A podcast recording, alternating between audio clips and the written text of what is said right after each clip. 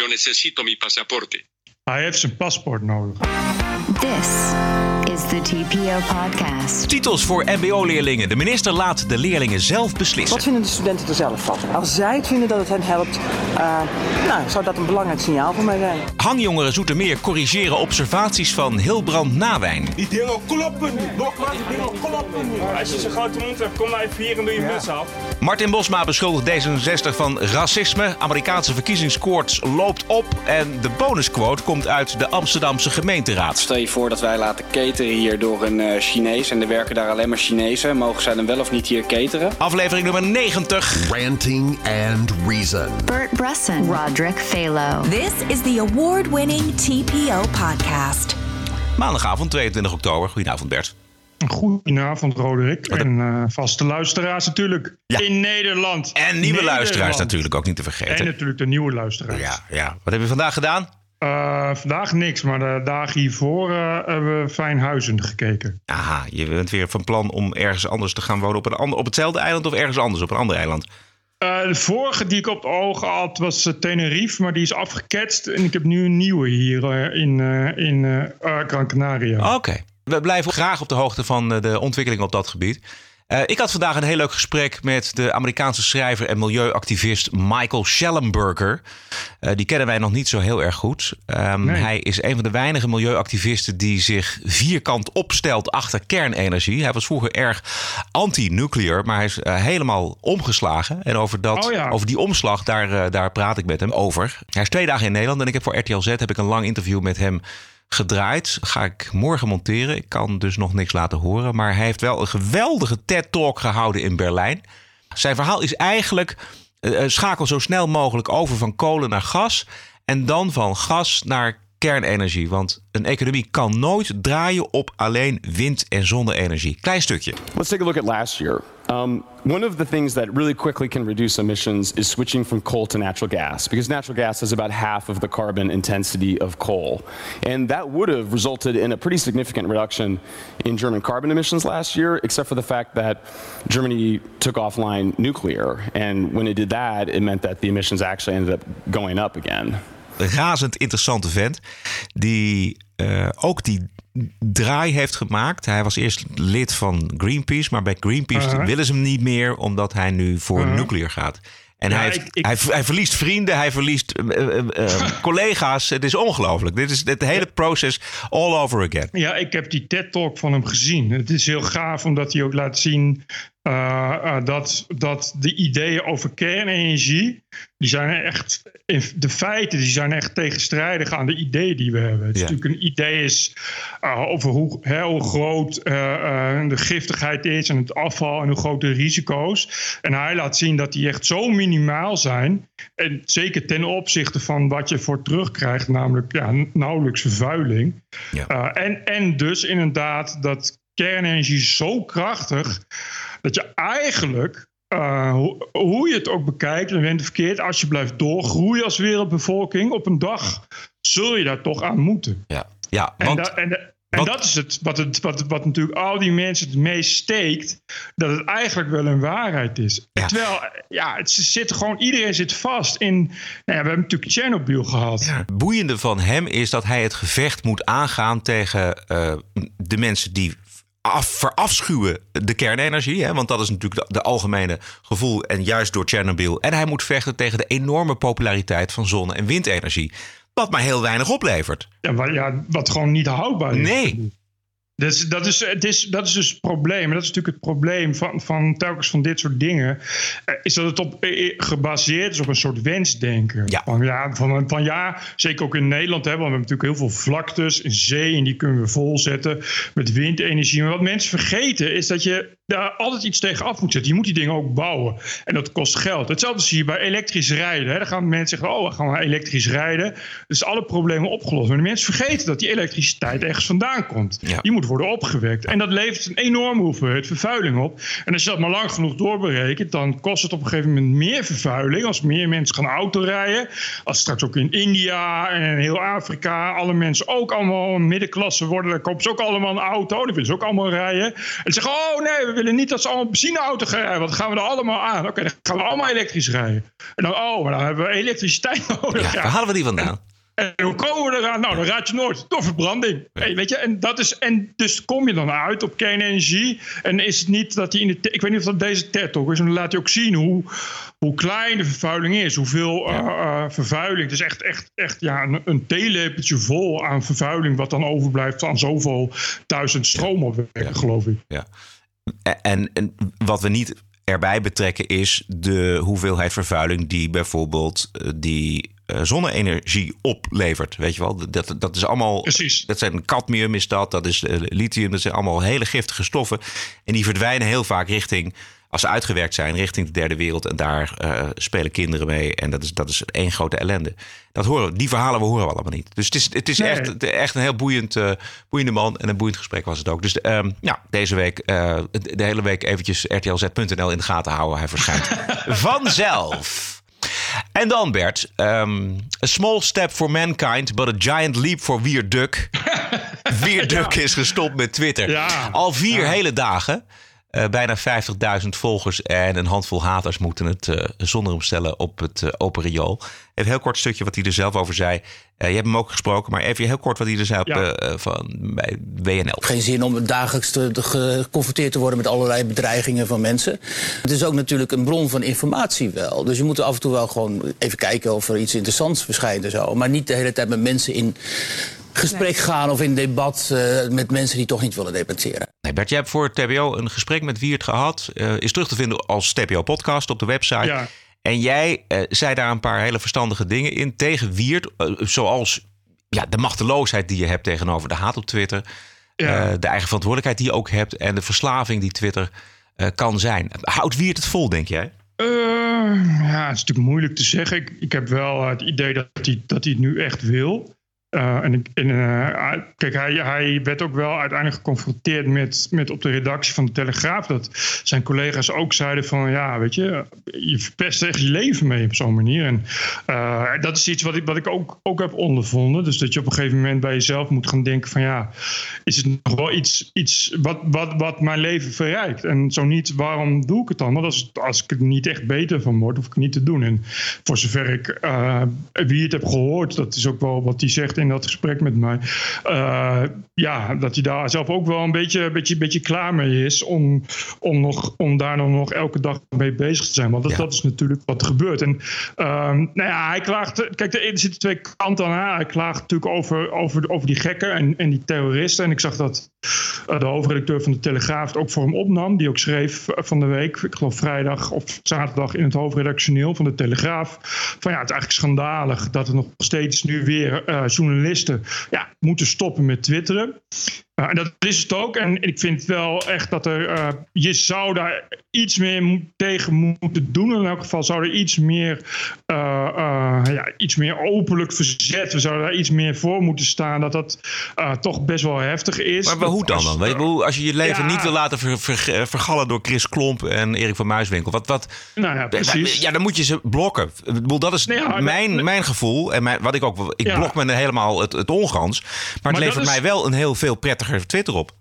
Ja, maar jij zit er anders op, jij zit er anders op Twitter. Je, jij zit er ook niet zo intensief op. Uh, en de dingen die je twittert, uh, uh, je bent, jij bent veel minder een target dan wie het was.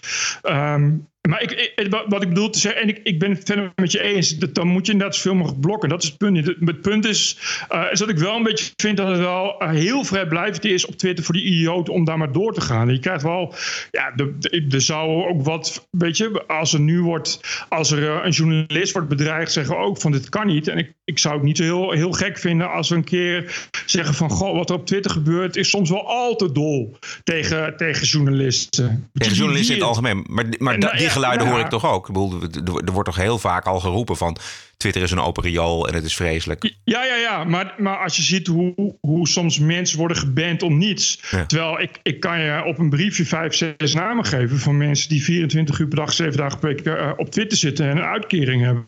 En al jaren niets doen dan iedereen letterlijk wegterroriseren van Twitter. Uh, in, inclusief uh, het posten van foto's van hun kinderen en you name it.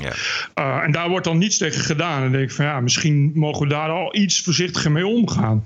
Het zijn niet Weet je, en ik vind bij Wiert bijvoorbeeld, uh, enerzijds is hij natuurlijk, gaat hij zelf ook, ook hè, daar in debatten zo, er is natuurlijk een dynamiek die ontstaat en als hij meegaat, ben je er zelf ook schuldig aan. Maar anderzijds is natuurlijk, uh, hij bedrijft een vorm van journalistiek die een bepaald soort mensen niet willen. En dus ook echt niet willen. En, en daar dan dus op gaan reageren. En dat vind ik echt niet kunnen. Maar wat Dus kun je er tegen doen?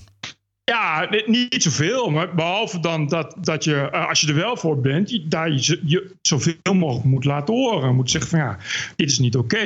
Weet je, het is oké om op Twitter uh, elkaar te haten en debat te gaan. Maar op het moment, en dat heb ik ook bij andere prominenten gezien, niet bij mij gelukkig. Nou ja, op het moment dat je, dat je iemands, iemands foto's van, van, van kinderen gaat twitteren met, met, met teksten erbij. Uh, als ik hoop dat mijn, mijn papa doodgaat en weet ik veel wat.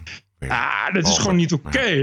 Dat, dat, maar er is, en er zitten ook, en dat is natuurlijk echt een punt. Er zitten op Twitter een aantal mensen, uh, en ook voor één weet ik, die, die ook echt al, al ja, meerdere malen zijn opgepakt door de politie. En die ja, zijn dan voor een maand lang wordt een computer in beslag genomen. Maar ja, er is natuurlijk juridisch niet zoveel tegen te doen. Uh, of soms zitten ze een paar dagen vast. En op het moment dat ze vrijkomen, gaan ze gewoon weer doen wat ze deden. En ja, ja je, kan je, je kan je afvragen of, of daar juridisch niet iets meer mee tegen wordt gedaan. Maar goed, het is bij normale stalkers is ook niet zoveel te doen. Dus daar houdt het een beetje op. Uh, maar en aan de andere kant van het verhaal is, en dat heb ik vooral in die podcast met Wiert besproken, is, ja kijk, Wiert, en ik zijn gewoon mensen die er ook gewoon heel erg gevoelig voor zijn. Het gaat onder onze huid zitten en het wordt ons dan te veel. En ja, we hebben misschien ook wel uh, een licht geraakt ego en het is niet iets wat, het is iets waar we mee bezig blijven. En dat heeft lang niet iedereen. Weet je, jij hebt dat veel minder bijvoorbeeld. Uh, maar ik, ik heb ook wel eens BN'ers gesproken. Weet je, uh, Arie Boomsma of Jeroen Pauw, die krijgen toch elke dag hele bakken met stront over zich heen op Twitter. Ja. Nou, ik, kan wel, dat, ja, ik kan me wel herinneren ja. nog dat, dat uh, toen wij een akkefietje hadden met een, uh, een columniste van Trouw. Dat kroop wel onder mijn huid, moet ik zeggen. Dat vond ik, heb ik wel heel erg vervelend gevonden. Ja, maar uh, dat komt ook omdat je werkt, de, de, dat je werk erbij hebt. Want dan kom je er ook niet meer zo vanaf. Ja. Dan kun je het ook niet meer uitzetten, omdat je dan, dan op een gegeven moment, net dan heb je het uitgezet, dan belt je werk en zegt van hé, hey, wat is er aan de hand? Ja. Dus dan. Ja. ja. Terwijl jij, jij bent, voor zover ik het zie, ja, jij, je, je bent inderdaad makkelijker in, het weer, in je Twitter weer uitzetten. Uh, en, en ja, mensen blokkeren en dat was het. Ja. Um, toch is het een, een interessant fenomeen. Uh, dit is, dat vond ik ook wel heel goed in het gesprek wat jij zegt met Wiert. Dat Twitter uh, maar eigenlijk een heel klein, minuscuul gedeelte van het leven is. Terwijl hè, we Juist, maken er iets juist. enorms groot van. Zo voelt het. Het ja, zo voelt het. hele ja, leven dat. Ja, Dus- ja. En het heeft soms ook hele heftige uh, gevolgen. Hoe rampzalig Twitter kan zijn uh, in het leven, daar zijn toch wel heel veel voorbeelden van. Uh, Vice America heeft een mooi interview gedraaid met Rosanna Barr. En oh. ja, zij zag natuurlijk haar leven compleet veranderen door één tweet. Well, I was at my mom's house in Salt Lake, and you know, I was very happy and. You know, my show was number one after 20 years to come back and be number one. And not just be number one, but 28 million people watched it. so I was in a happy place. And uh, anyway, so I went to bed and I woke up at 2.11 and tweeted that tweet. And uh, then I went back to sleep. And when I woke up in the morning, it was all over the news and... Uh, I was like, uh oh. And it was characterized as racist, which just made my stomach fall to my feet. And then the network called and said, What possible excuse can you have for something you've done which is unforgivable and some other word that I can't remember? And then I said, I, I'd be happy to go on all, all the ABC shows and explain it and apologize. But I they said no, I wasn't allowed to do that. Not too long after that, my mom was watching TV and saw that it was canceled. And that was just the beginning. Ja, weet je, het probleem is, wat, je, wat we hier horen en zien, is dat dit allemaal uh, voor het eerst is dat het zo gaat. Ja. Natuurlijk duizenden jaren uh, normale vrijheid van meningsuiting gehad. En uh, de grapjes die Roseanne Barr ma maakte, die worden ook al duizend jaar gemaakt. En dat deden we altijd in de huiskamer of in de kroeg. Of desnoods op televisie of op radio. Maar, want dan werden we ervoor gevraagd en dan wisten we dat de luisteraars dat deden. En, of in de krant. En op de een of andere manier is Twitter zo geworden dat het op Twitter niet meer kan. Dat heeft dus ook te maken met de cultuur van social justice warriors, hoe mensen gekwetst zijn. Het is, is een nieuw iets, ik kan het eigenlijk niet echt benoemen, gevormd rondom Twitter, waardoor bij uitstek dat medium, wat uh, uh, het ultieme middel van de vrijheid van meningsuiting had moeten zijn, van mensen dichter bij elkaar brengen, van ideeën uitwisselen, is bij uitstek ook een uh, vergrootglas geworden Ja. voor censuur. En maakt, is niets, dus niets de afgelopen duizend jaar uitgevonden wat censuur zo makkelijk heeft gemaakt. Ja, nou, het, het is, En- het is e- eventjes, eh, censuur is meteen is verbieden hè, of is, is, is uitschakelen. Ja, Ehm, maar, maar, maar het is, ik moest denken aan het woord, het is een, eigenlijk een heel oud woord, het woord framen. Werd vroeger Ja. heel veel gebruikt, tegenwoordig niet meer. Maar eh, Twitter is bij uitstek natuurlijk, omdat het een beperkt aantal tekens heeft, eh, is het uit, bij uitstek het, het medium waar je één woord verkeerd kunt zeggen. ja. En, dan, Ja, en het- en dat wordt uitvergroot. En dat, daar, wordt een, daar wordt dan een screenshot van gemaakt of wat dan ook. en dat gaat precies. rond. En dan kun je mobiliseren wat je wil. En dan krijg je op een gegeven moment een schandaal. En dat is natuurlijk wat, wat bij deze Rosanna Bar gebeurd is. En wat bij heel veel andere mensen gebeurd is. Jij vertelde wel eens een, een verhaal van een, van een vrouw die, of een man die gewerkt had bij een eh, De universiteit. Nobelprijswinnaar voor, de, voor geneeskunde. Ja, die.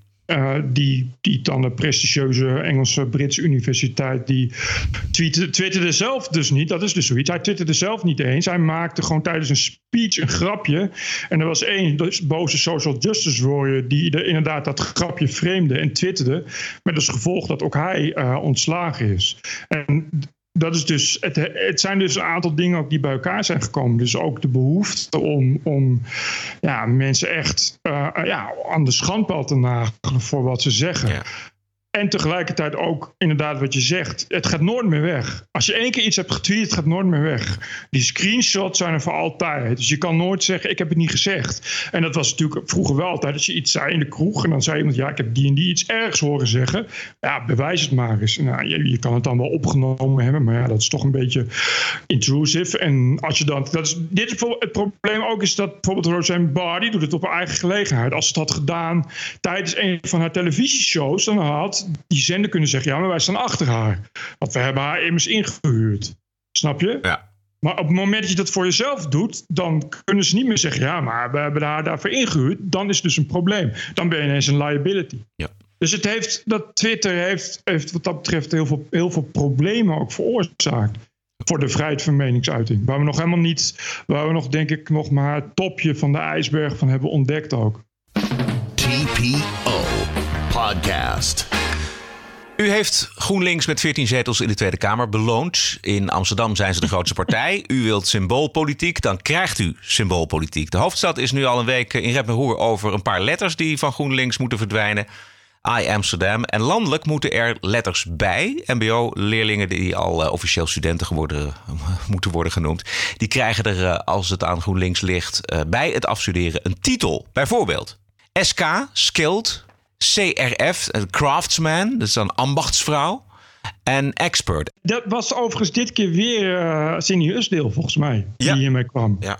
Weer, want vorige week was hij ook al uh, Ja. met, uh, met uh, wat was het? Dat er dat te, veel, te veel kapitalisme aan, aan bedrijfseconomie wordt gegeven. Ja, precies. Die hadden we vorige week. Maar weet je, dat, je kan het eigenlijk nog wel verwachten van GroenLinks. Maar uh, iedereen vindt het opeens een geweldig idee. Ook de minister van Onderwijs, Ingrid van Ah. Engelshoven. Nou, ik vind het een sympathieke gedachte. Uh, ik vind het vooral interessant wat studenten daar zelf van vinden.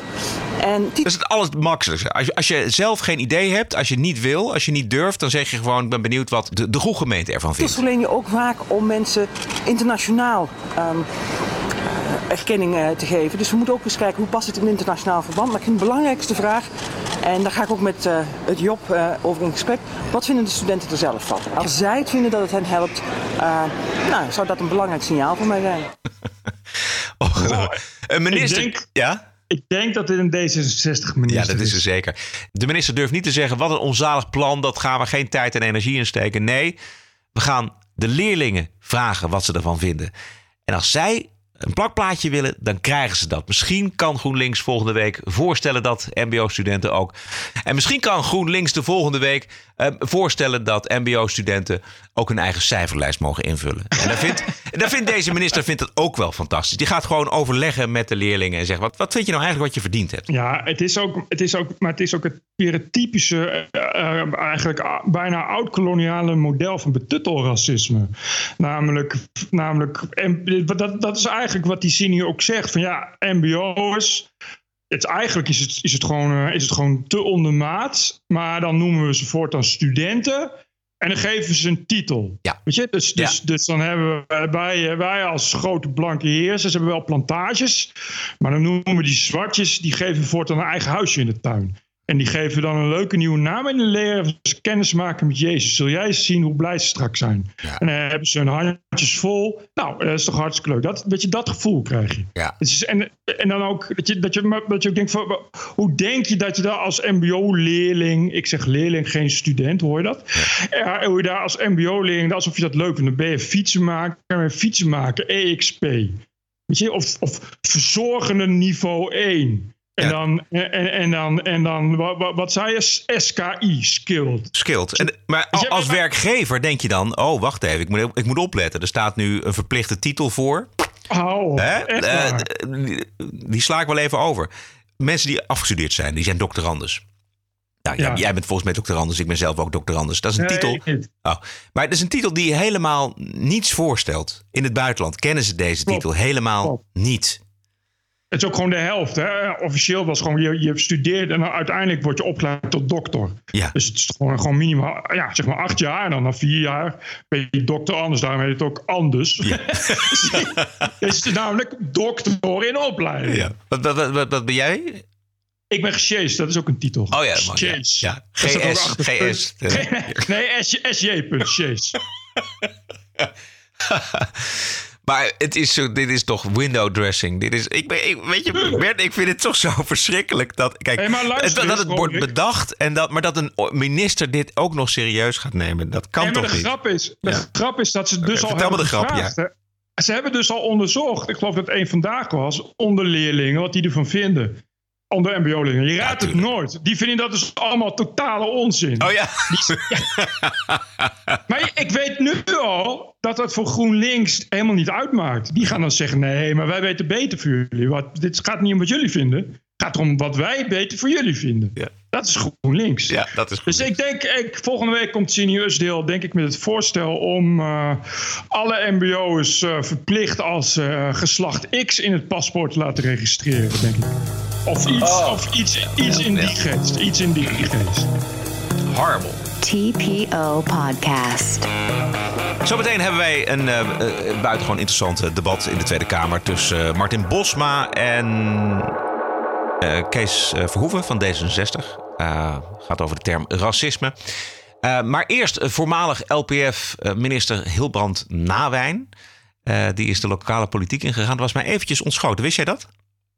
Eh, ja, vaag. Tenminste, toen dit zei eh, van Zoetermeer, dacht ik van... oh ja, hij is toen inderdaad eh, ergens, ergens diep in de regio verdwenen. Maar ik wist wel dat hij nog politiek actief was. Ja. Ja, de, de regio is dus eh, Zoetermeer.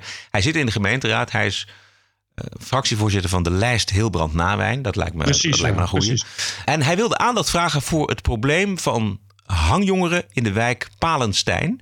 Eh, nou, voor de camera van WNL kreeg Nawijn niet eens de tijd om de problemen uit te leggen. Ja, ik, eh, de plaatselijke overheid, dat moet ik nog horen. Is leuk hè, mensen ter schande brengen. Is leuk hè? Is leuk hè? Is leuk hè? Is leuk hè? zeg alleen Zeg leuk dan, zeg ja dan. Nee, jullie hebben geen respect, Mattie. Jullie, geen komen die dingen hier weghalen net alsof jullie elke dag staan. Geen enkele kankerdag sta je hier. En dan komen jullie hier staan. Mattie, pak die camera en ga oprotten. Zeg het eens Pak voor die de camera, camera. ga oprotten van hier. Ga oprotten. En geen enkele dag sta je hier. Oké, luister, ik heb één mededeling voor de media mensen. Die mensen die praten over dit, dat, eh, van eh Antillianen lopen hier drugs te doen, dit en dat. Die dingen kloppen niet. Die dingen kloppen niet. Nogmaals, die dingen kloppen niet. Als je zo'n grote mond hebt, kom nou even hier en doe je muts af. Ja, dat is een verslaggever Joost Karreman. Eh, Ja. En opnieuw een glansrol voor GroenLinks. Want de lokale fractievoorzitter Jordi Boerboom... die ging verhaal halen bij WNL over wat zich daar nou had afgespeeld. En zegt dat eh, de buurt gebaat is bij rust... en dat interviews geven op straat niet bijdraagt aan die rust. Maar een politieke partij die dus verhaal gaat halen bij een journalistieke organisatie. Ja, ik, ga, ik, ga gewoon, ik kan gewoon niet twee GroenLinks topic achter elkaar aan. Dit is gewoon, dit wordt te veel. Dit wordt echt te veel. Is, ik weet dat ik, dat was, poeh, weet ik veel, dat was echt in 2008 of zo. Het schreef nog bij geen stijl. Toen was er hele lange, echt wekenlang, was er eh, terreur van Marokkaanse jongeren in, uh, in, in Veenendaal. Er was ook iemand gemarteld voor zijn pinpas en zo. Allemaal hele serieuze shit. Dus ze schreven daar topics over. En toen weet ik nog dat de plaatselijke GroenLinks die kwamen toen ineens met het verhaal dat het allemaal de schuld was van cameratoezicht. Daardoor voelden oh, ja. die, jongen, die jongens zich, zich vernederd en, uh, en nou, gediscrimineerd. En daardoor, het, is, het is echt het is, echt, het is onvoorstelbaar wat je dan hoort. Dit ook. Dat je, dat je ook zegt, dat, dan ga je dus serieus naar een journalistieke organisatie, notabene WNL, waarvan je al weet dat het natuurlijk niet een organisatie is die zegt, oh leuk, GroenLinks komt binnen. Ga je dan zeggen, ja, kunnen jullie uh, even, even ophouden met, met journalistiek bedrijven hier? Dat is kwets, kwetsend voor de jongeren. Ja, serieus. Weet je, ik... Het is de, de window dressing partij, is het?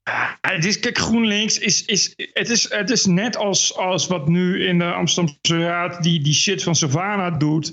Is de hele tijd, hele tijd mieren neuken en vliegen afvangen. Weet je? Dat is, en dus inderdaad laten zien hoe enorm je deugt. En op het moment dat WNL en Hilbrand Nawijn daar staan, ja, is het natuurlijk een mooi moment. En je zou dan zeggen, als je serieus politicus bent en je hebt zeg maar ook nog enige morele gedachtegang, dan verplaats je in hoe, hoe het voor die ondernemers is. Maar dat doen die niet, want die ondernemers die klagen dus al jaren. Hè? Dat is, het is het bekende verhaal van Nederland, van, van slechte wijken, van mensen die dag in dag uit klagen over problemen met hangjongeren. En de gemeente die dan zegt, nou misschien komt er wel meer cameratoezicht en misschien wel meer surveillance. En er is nog nooit iemand uit die hele fucking gemeenteraad daar geweest. Weet je wel, dat idee. Ja. Uh, en, en groen, laat staan GroenLinks. Dus helemaal niemand van GroenLinks in, in Zoetermeer die, die überhaupt ooit daar boodschappen doen. Want die doen gewoon allemaal boodschappen in Den Haag bij de Ecomarkt of zoiets. Precies. En die jongen hebben natuurlijk wel een beetje een punt. Want die Hilbrand Nawijn zijn natuurlijk ook nog nooit geweest. Die ruikt natuurlijk ook zijn kans. Die ziet ook zijn kans schoon om daar maar eens even lekker voor de camera te gaan staan. En dat is wel wat ze zeggen. Ik ben helemaal niet met de manier waarop die jongeren reageren eens. Je moet geen, uh, geen politici en uh, cameramensen belagen.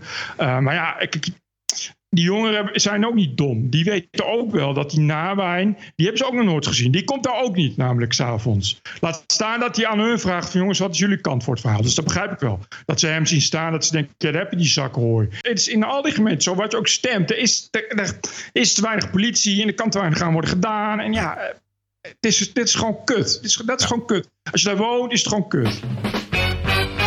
This is the TPO podcast.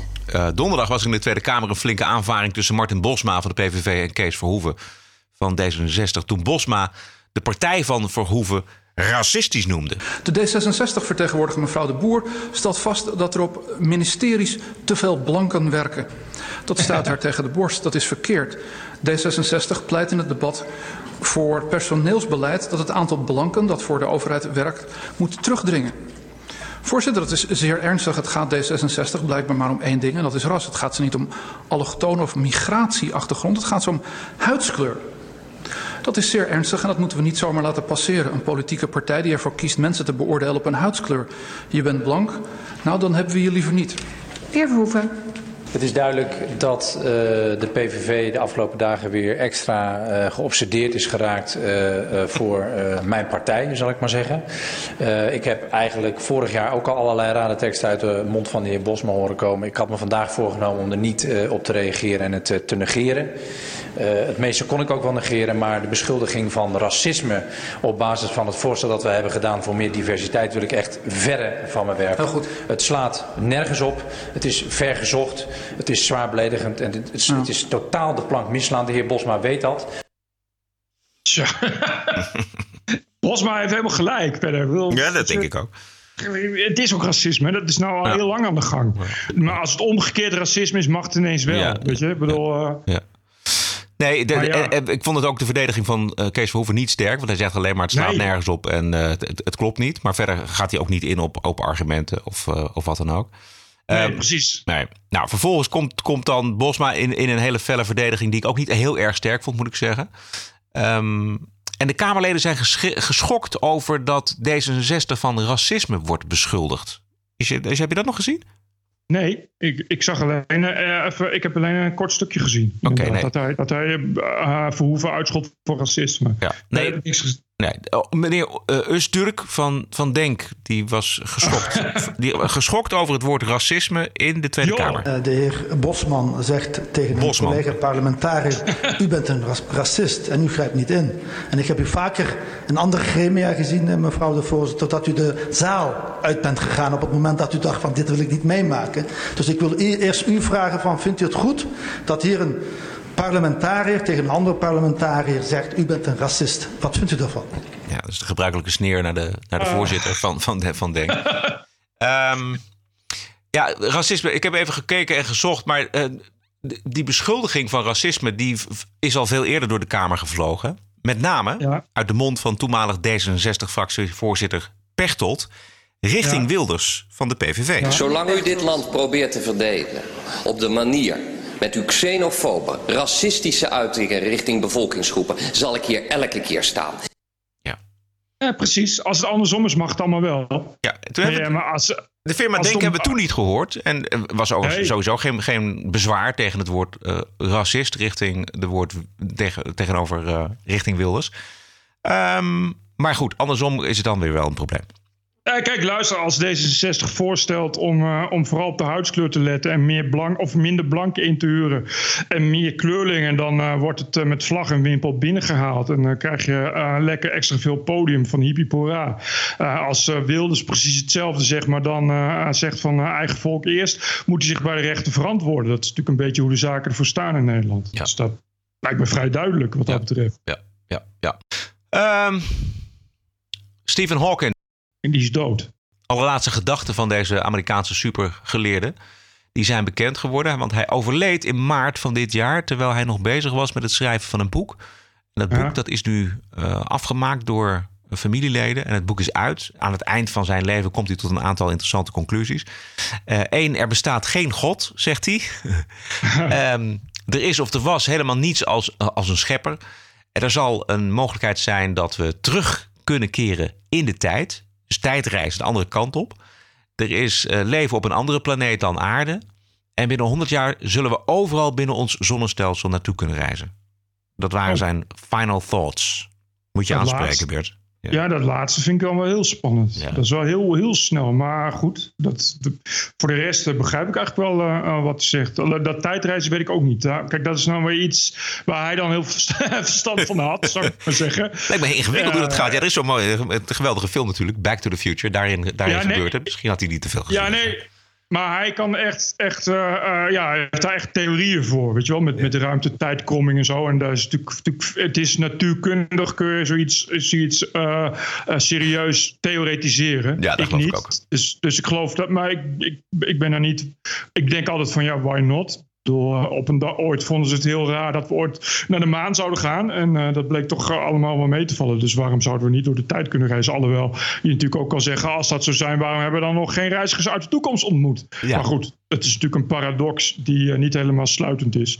Want die hadden net zo goed kunnen besluiten om zich gedijst te houden. Om te, voor, te voorkomen dat in het verleden mensen al weten dat ze in de toekomst terug naar de tijd zullen kunnen reizen. Ja. En dat soort akelige paradoxen waar je nooit meer uitkomt.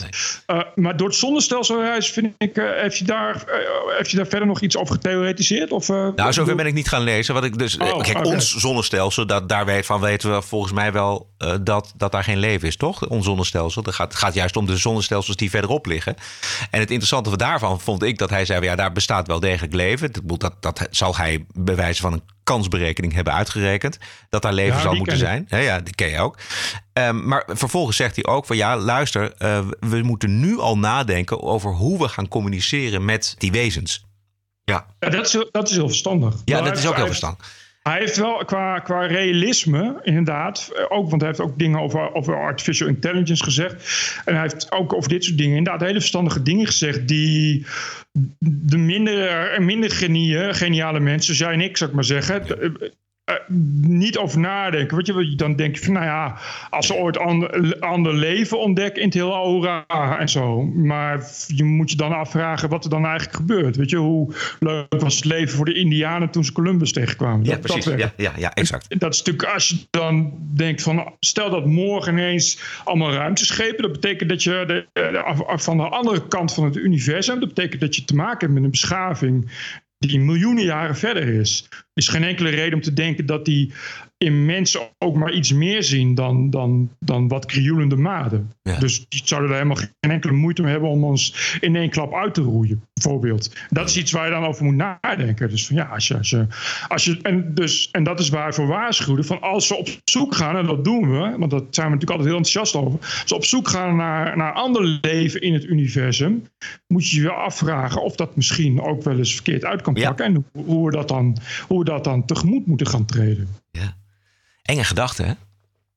Ah, ja, het is, het, is wel, het is wel waar. Het is natuurlijk, ik bedoel, ja, het is een beetje, eh, toen wij primitief waren, keken we naar zonsverduistering en noemen we dat goden. En nu weten we, eh, weten we eh, wat er is. En ehm, in die tijd waar zijn we ook slangen gaan, gaan, gaan aanbidden en de zon en, en spinnen. En nu hebben we geen enkele moeite om slangen en spinnen eh, eh, eh, te vernietigen met gif, omdat we weten dat ze gevaarlijk zijn. Dus wat zou iemand die miljoenen jaren verder is, wat zou er dan letten om te bedenken dat mensen zijn een soort, soort onderontwikkelde mieren? Daar hoef je niet eens over na te denken of je die kan vernietigen. Ja, dat is natuurlijk geen enkel punt. Ik heb Christopher Hitchens wel eens horen zeggen dat wij niet gaan meemaken dat de aarde eh, eh, tot een einde komt. Hè? Ik bedoel, dat, dat, wij, wij zijn er nog maar heel kort. In, in evolutionaire termen zijn we nog maar heel kort op deze aarde. Ja. En, we, en we zullen er ook niet zo heel erg lang meer zijn. Dat, omdat we elkaar vernietigen of onszelf eh, op een of andere manier. Mhm. Dus de vraag is of we op tijd contact krijgen met eh, anderen in het heelal. Ehm, Dat een- dat, we dat een- nog kunnen meemaken. Dat is ook een bekende paradox hè? Van, van de vraag. De vraag is: van, gaat het überhaupt ooit lukken om contact te maken? Want eh, als het zo is dat er eh, beschavingen zijn die vele miljoenen jaren verder zijn, waarom hebben die nog geen contact met ons gemaakt? Ja, ja, ja. En het zou heel goed kunnen dat er wel ook veel beschavingen voor ons waren, miljarden jaren geleden, maar die hebben zichzelf allemaal uitgeroeid. Dus die komen allemaal tot, nooit tot het punt dat ze contact kunnen maken. Dus het kon wel eens inderdaad zo zijn dat het probleem zal blijven eh, over hoe we. Of we ooit contact kunnen maken. Omdat het inderdaad maar de vraag is of beschavingen überhaupt zover komen voordat ze elkaar uitroeien. En dan is, is er dus niks meer. Ja. ja. Nou ja, bij gebrek aan een, een tijdcapsule of een eh, supersnel ruimtevaartuig gaan we gewoon met één stap naar Amerika. The FM Talk Station. The Rush 24 7 Podcast. Los Angeles. And now, America's most exciting radio talk show, The Savage Nation. And we're here. How the hell did we get here? TPO Podcast. News Talk Radio 77, WABC, New York City. We gaan naar Amerika. Dat denken 4000 mensen uit Midden-Amerika ook nog steeds. Let's get to that migrant caravan. Yes, it is still headed to our southern border, and the president was tweeting about it. Strong stuff first thing this morning. Here's the tweet. In addition to stopping all payments to these countries, which seem to have almost no control over their population, I must, in the strongest of terms, ask Mexico to stop this onslaught. And if unable to do so, I will call up the U.S. military and close our southern border. Like I said, that is strong stuff. Strong Steve stuff. Hilton's with us. He's the host of The Next Revolution. That's the show on the Fox News channel. All right, Steve, I, I say that is pretty strong stuff. I, I mean, I don't know what else the president can say because here they come. You can see it coming at us. Yeah, I think it's strong, Stuart, but reasonable given what's happened. Look, I'm pro immigration. I think it's good for the economy, it's Oh. good for our society, but it's got to be controlled. Strong stuff, Bert. Strong stuff. Dit is een strong stuff. Ik zie niet helemaal wat de strong stuff van is. Er komt gewoon een, een mars. Echt, echt een kolonne aan migranten aan. En Trump is nou niet dat hij nou de afgelopen jaren heel lief op immigratie is geweest. Dus ik snap niet helemaal waar dat strong... Ik bedoel, ja... Dat, Nou ja, dus- misschien is het toch wel zo dat, kijk, die, die, die grens, zolang die muur er nog niet staat, is, de- is die grens eh, eh, ja, zo lekker als een mandje. Hè, daar, daar, daar kun je doorheen. En wat hij nu zegt is ja, dat gaan we koet koet eh, verhinderen. En dat is hem geraden ook als hij goed wil scoren tijdens de midterm eh, elections. Juist. Ehm, maar dan moet hij dus het leger erop afsturen of iets dergelijks. En dan moet, Ja. hij, dan moet hij toch die, ja, een gedeelte van die grens echt helemaal hermetisch afsluiten. Nou, dit, het wordt wel, als hij dat wil, is het problematisch. Maar dan stuurt hij dus het leger. Dat heeft hij ook gezegd. Maar hij moet het doen een, volgens mij, Bert. Want dit is. Hij gaat het ook doen. Ja, hij gaat het ook doen volgens mij. Want als hij, als hij dit laat lopen, wat, wat dat betreft is het weer geweldig getimed, nog 14 dagen. Als ze er doorheen komen, die 4000 eh, eh, immigranten op een illegale wijze, dan eh, verliest hij zijn geloofwaardigheid volgens mij. Hij kan ze niet, hij kan ze niet toelaten. Dat is echt onmogelijk. Dat is, ik bedoel, nou ja, als ze doorheen komen eh, zonder dat hij dat wil, dat is nog wat anders. Maar hij gaat absoluut niet zeggen, ik laat ze toe. Geen, denken, geen, geen haar op zijn hoofd die eraan denkt. Dit is wel echt het hoogtepunt van de clash dus inderdaad tussen pro- en anti-immigratie. En hij is anti-immigratie. Zijn hele eh, kiezersbasis is anti-immigratie. De hele Amerikaanse middenklasse zo'n beetje, zeg maar. Ja, nou, dus de, dit is het hoogtepunt. Er, komt, let, dat bedoel, er komt letterlijk echt, echt een goederentrein vol aan, op volle vaart, komt aanstormen. We kunnen, ze kunnen elke dag zien ze het weer een stukje verschuiven, zo richting Mexico, richting de Amerikaanse grens. Nou, hij gaat denk ik nog liever dood dan dat hij ze toelaat. En dat is eh, een probleem, omdat dus daar gaat het natuurlijk dan op uitlopen, is dat dit uiteindelijk dat leger eh, opdracht zal moeten gaan geven om te schieten. Als het erop aankomt.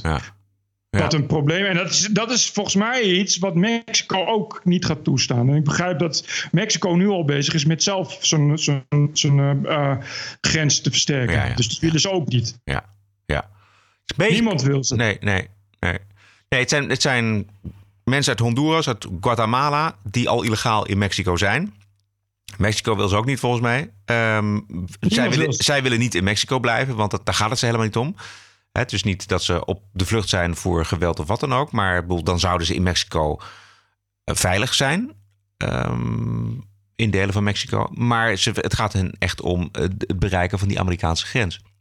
Dit zijn ook nog eens een keer uitgerekend. Dus het soort van eh, mensen die, waar voor Trump de grootste problemen liggen. hè. De, de- die, die, die MS-13 gangs. Ja. Dat zijn allemaal Zuid-Amerikaanse gangs. Dus de grote, de, de grote criminaliteitsgolf. Waar in elk geval dan de Republikeinen zo'n probleem mee hebben. Dus ook waarom ze die, vooral die, die borders willen sluiten. Die, dat is namelijk tegen criminelen illegale. Dus niet, niet illegale, maar echt, echt illegale. Want dat brengt criminelen voort. Ja, en dat zijn natuurlijk allemaal, allemaal Latino's. En juist uit Honduras, Nicaragua, dat soort, dat soort plekken. Dus, dus ja, het zijn ook uitgerekend de mensen waar echt, ja, waar Trump alles aan is gelegen om, om ze tegen te houden. En het is natuurlijk een statement. Daarom komen ze ook met z'n 4000. En niet, niet één tegelijk. Het is natuurlijk een statement van wij trekken op tegen Fort, tegen Fort Amerika. En we zullen zien of jullie tegen ons bestand zijn. Waarop Trump niets anders kan zeggen. Oké, dan ga ik dus inderdaad laten zien dat ik als Fort Amerika jullie tegen kan houden. dat is waar het om gaat. Ja, dat gaat hij echt doen.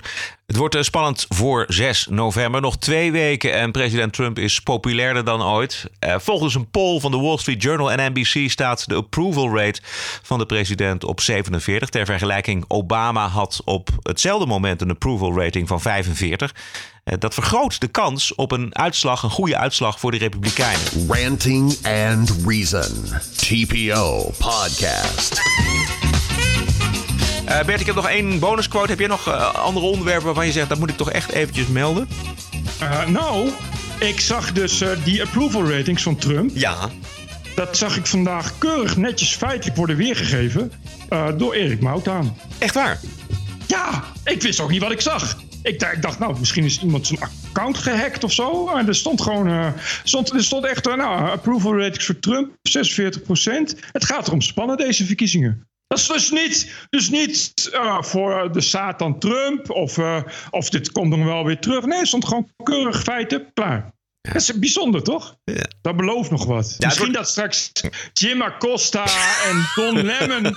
dat Jim Acosta en Don Lemon straks een hoofd buigen op CNN en zeggen... Trump, je hebt gewoon gelijk gehad. Wij, er- wij erkennen onze schuld, dat ze dat dan gaan zeggen. dat zou toch lijkt mij zijn. niet. Dat zou, maar dat is dezelfde dag dat ook Jezus op aarde komt, waarschijnlijk. Ja, Bert en ik zijn eh, van plan om zeker één extra uitzending te maken. naar aanleiding van Ja. die eh, midterms. En misschien wel twee. Eh, dat, dat vinden we gewoon hartstikke leuk. We zijn er, ik, ben, ik ben reuze benieuwd. Ik vind het ook zelf heel erg spannend. Ik heb nog nooit zo genoten van de aanloop naar midtermverkiezingen in Amerika. Ik, ik volg het Nou ook ja, nooit zo erg. Ik ook niet, maar het is wel zo dat vooral alleen het congres wordt spannend. Want de Senaat is, is nu de voorspelling dat, dat 80%, 80% zeker is dat, de- dat de Republikeinen gewoon de meerderheid houden. En eh, dat is relevant omdat als, eh, als eh, de Senaat eh, de Republikeinse meerderheid houdt, dan kunnen ze toch niet impeachen.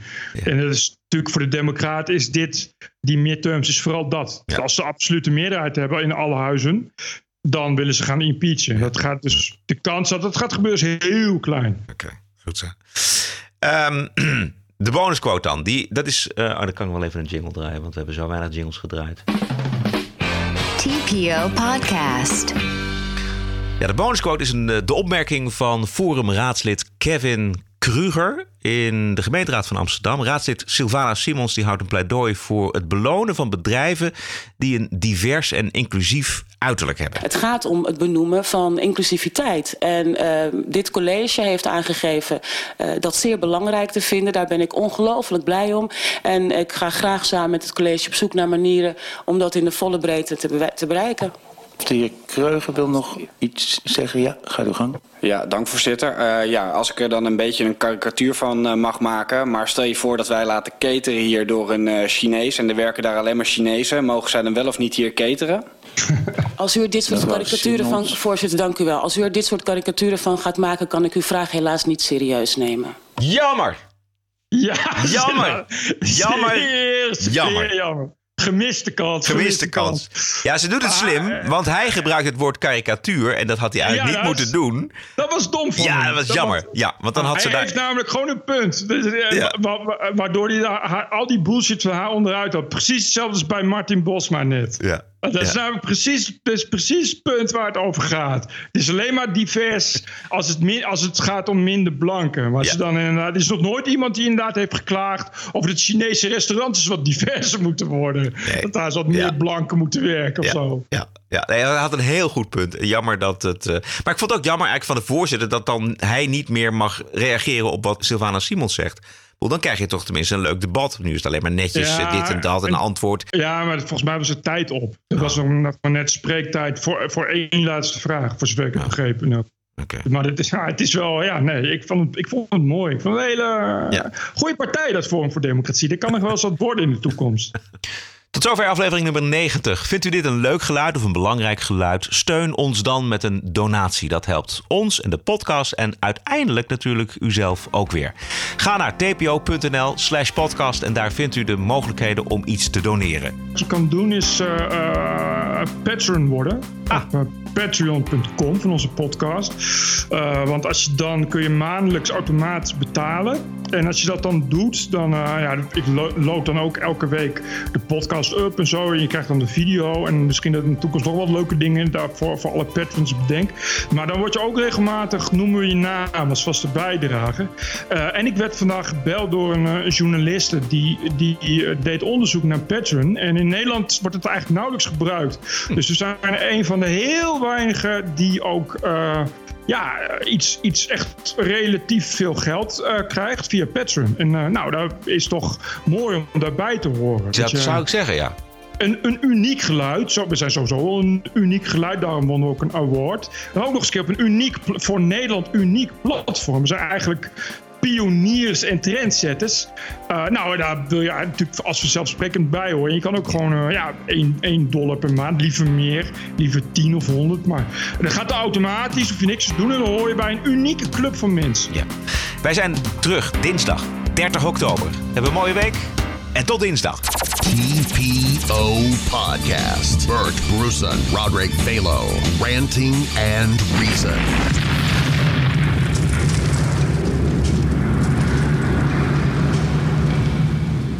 If the election were held today, the Democrats would handily win the House. Do you agree? No, I have been saying for weeks I will not be surprised if Republicans keep the House Why? and win the Senate. Because, and I s- every time I say, there was a silent majority we didn't see in 2016, and I think it still exists. Kavanaugh wakened it a bit. Someone says, well, the polls aren't saying that. Yeah, that's why it's silent.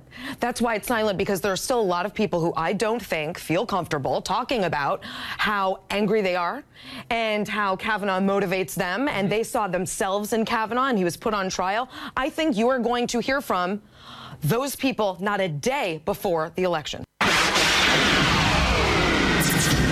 TPO Podcast. The award winning TPO podcast can be heard on the No Agenda stream at noagendastream.com.